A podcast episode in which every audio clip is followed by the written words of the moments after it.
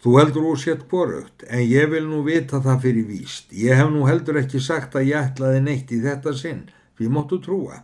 Ég er ekki hrættur, við skulum fara. Mér langar til að eiga peninga, en ég veit ekki hver peningar að fá, ég er svo ókunnugur.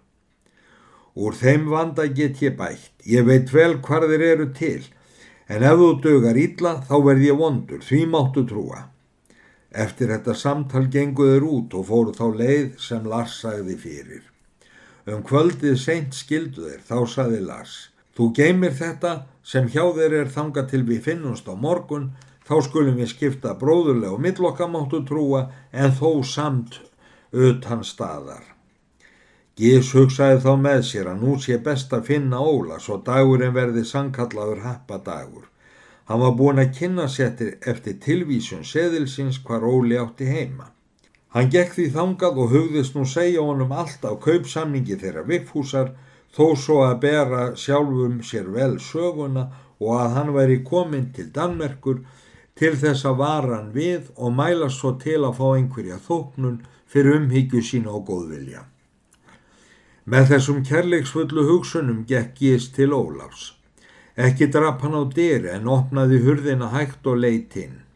Sá hann hvar Óli satt og var að telja peninga og var svo niðursokkin í það að hann tók ekki eftir þegar dyrnar opnuðust. Þegar Gís sá það skimma hann hátt og látt um alla stofuna og var þar ímislegt gyrnilegt að sjá. Á þýlinu hengu fött og þar á meðal sá hinn eitt hlutur sem honum virti sljóta að vera mesta gersemi án þess þó að vita hvað það var. Þessar aðtóasemdi gjörði gís á skemmri tíma en þarf til að segja frá því og jafn fljótt skeði þá honum varð hugkvarf svo allur hans kærleiksfulli ásetningu skrælnað upp eins og lauf í sólarhitta og í staðin fyrir að vara Ólafi við yfirvofandi hættu hljóp hann inn til hans og sló svo mikið högg í höfuð honum að hann dætt í rót. Gís þreif þá peningabuttu sem lág á borðinu og dýrgrip þann er hann sá á þilinu en þetta allt með þeim flíti að hann veldi um borðinu með peningunum á og ljósinu svo dimt varð í herbygginu. Þorði hann þá ekki haldast lengur við þar inni en hljóp á dýr. Þegar hann var komin svo langt frá húsinu að hann þorði að staðnamest tók hann fyrst eftir því að hann hafði mist úr barmi sínum böggul sem hann þó ekki vissi hvað hafði inni að halda, þeim lagsmönnum hafði fjernast hann um kvöldið og böggullin var það sem Lars beiti hann að geima þegar þið skildu. Ekki þorði gísast nú aftur og þótti þó skanin slæmur, því ekki mátti vita hverskinn stýrmæti það var í fólkið. Hann hafði að sönnu fengið nokkra skadabót í því sem hann hafði náð frá Óla en best var þó að halda hvoru tveggja. Þeir lagsmenn hafðu farðum kvöldið í hús eitt, var Lars áður búin að njóstna um að þar var fámenni heima, þeir fóru inn í hyrslu og náðu nokkru að peningum og gís snuðraði uppi áðurnemdan böggul þó nú kæma litlu haldi. Stundu síðar eftir voru konni burt með það þjóstólna varð vart við aðgjörðir þeirra og þá strax sendt til örglu þjóna sem samstundi skengu á veiðar.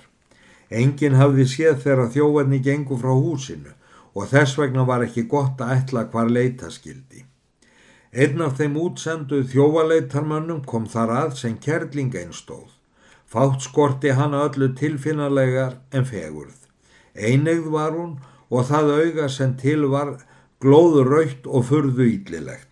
Hált var nefið burtu og rifið út úr öðru munviki. Ekki leitt út fyrir að það þyrfti mikinn tímaspilli til að greiða og flétta hárið sem helst síndist aldrei hafa átt tilveru á höfðinu en úr þeim bresti bætti þó nokkuð sköllótt þá sums staðar talið talsvert langt skegg. Harðmeti síndist ekki vera henni hendugt því einar tvær tennur sáust í kvorum skolti en þó æði spölur á milli og þessar fjórar hefði þurft efnafróðan mann til að segja hvort væru riðguðu játni eða einhverju öðrum. Þó var ekki fyrir neinum sérlegum blóma að gangast, vek lörgl þjótt sér aðinu og sagði Gott kvöld móðir hanna, hvernig líður henni núna? Ægi, hvernig líður mér? Hvað vill hann þvýri, meistari eh, nasvís margspörull? Og hún er ekki góðu skapi kvöld móðir góð. og hvudskrattan kemur þá honum við, eðalborni herrað sísnöðurandi til slettin. Hér er fyrir einum pela gamla móðir, svo þarf ég nú ögn að tala við hana meira í tómi. Já, hvað er það, herra Petersen? Skeð getur að gamla hanna viti eitthvað en þá eins og fyrri.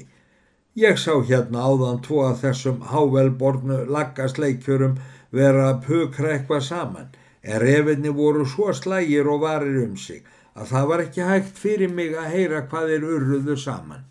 Þó heyrði ég annars sagði skipta á morgum bróðurlega, en gamla hanna hugsaði þó ekki geti heyrt með tveimur eirum svo skal ég sjá þó með einu auga.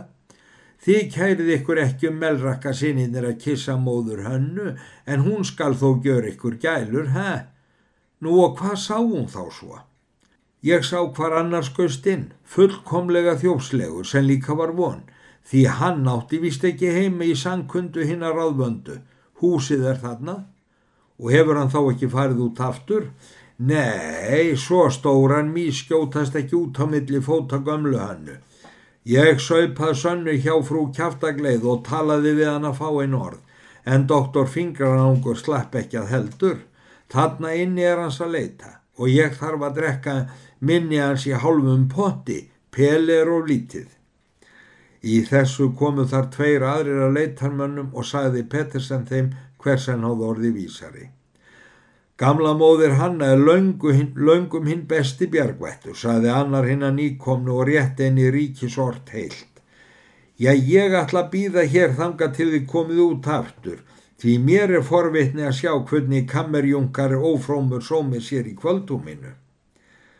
Eftir Ólafur hafði leiði tímakorni í rótinu, ránkaðan við og áttaði sig strax á því sem skeið hafði. Hann kveikti aftur ljós og tók til að koma í lag því sem aflaga hafði gengið, peningarnir lágu viðsvegar um gólfið og týndi hann þá upp, buttan var á burtu. Var það svo sama sem Kristín gaf honum.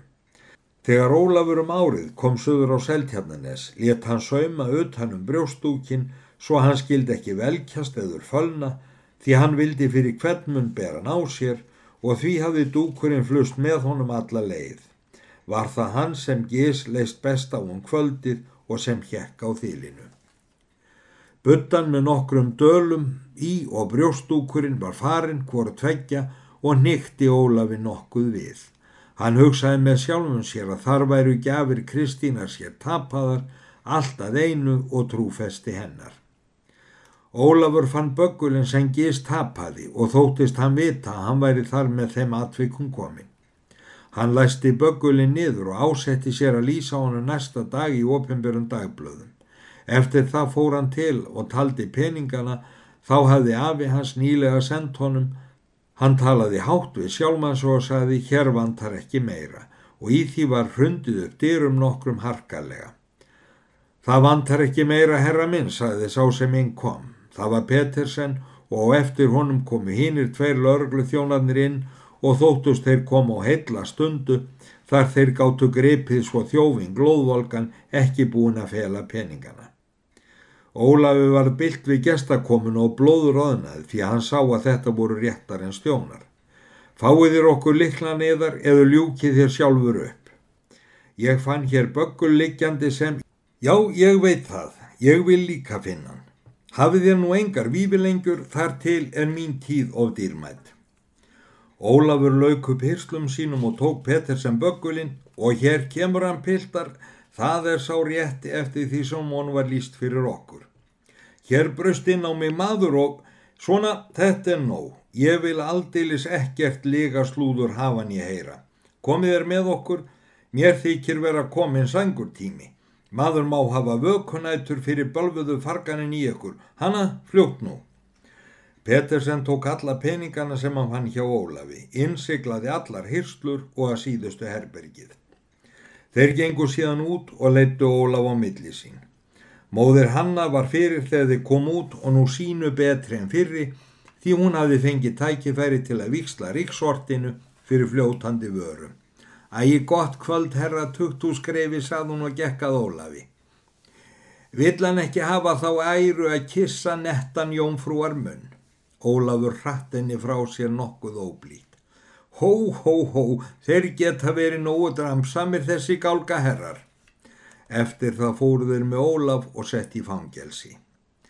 Arilius hafi verið veikur um nokkuð tíma og lág á spítala þegar þetta skeiði og vissi því ekkert hvað leiðum hægi frænda síns. Ólafur var daginn eftir yfirherður en gatt ekki sanna sakleysi sitt því hann hafði ekkert vitni en alla líkur á mót honum. Líka hik hafði gamla hanna ekki við að standa fast á því að hann væri emmitt sá sami maður sem hún sá ganga inn í húsið og bætti því við að hann hefði haldið á bögli öldungis eins og þessum sem síndur var fyrir rétti.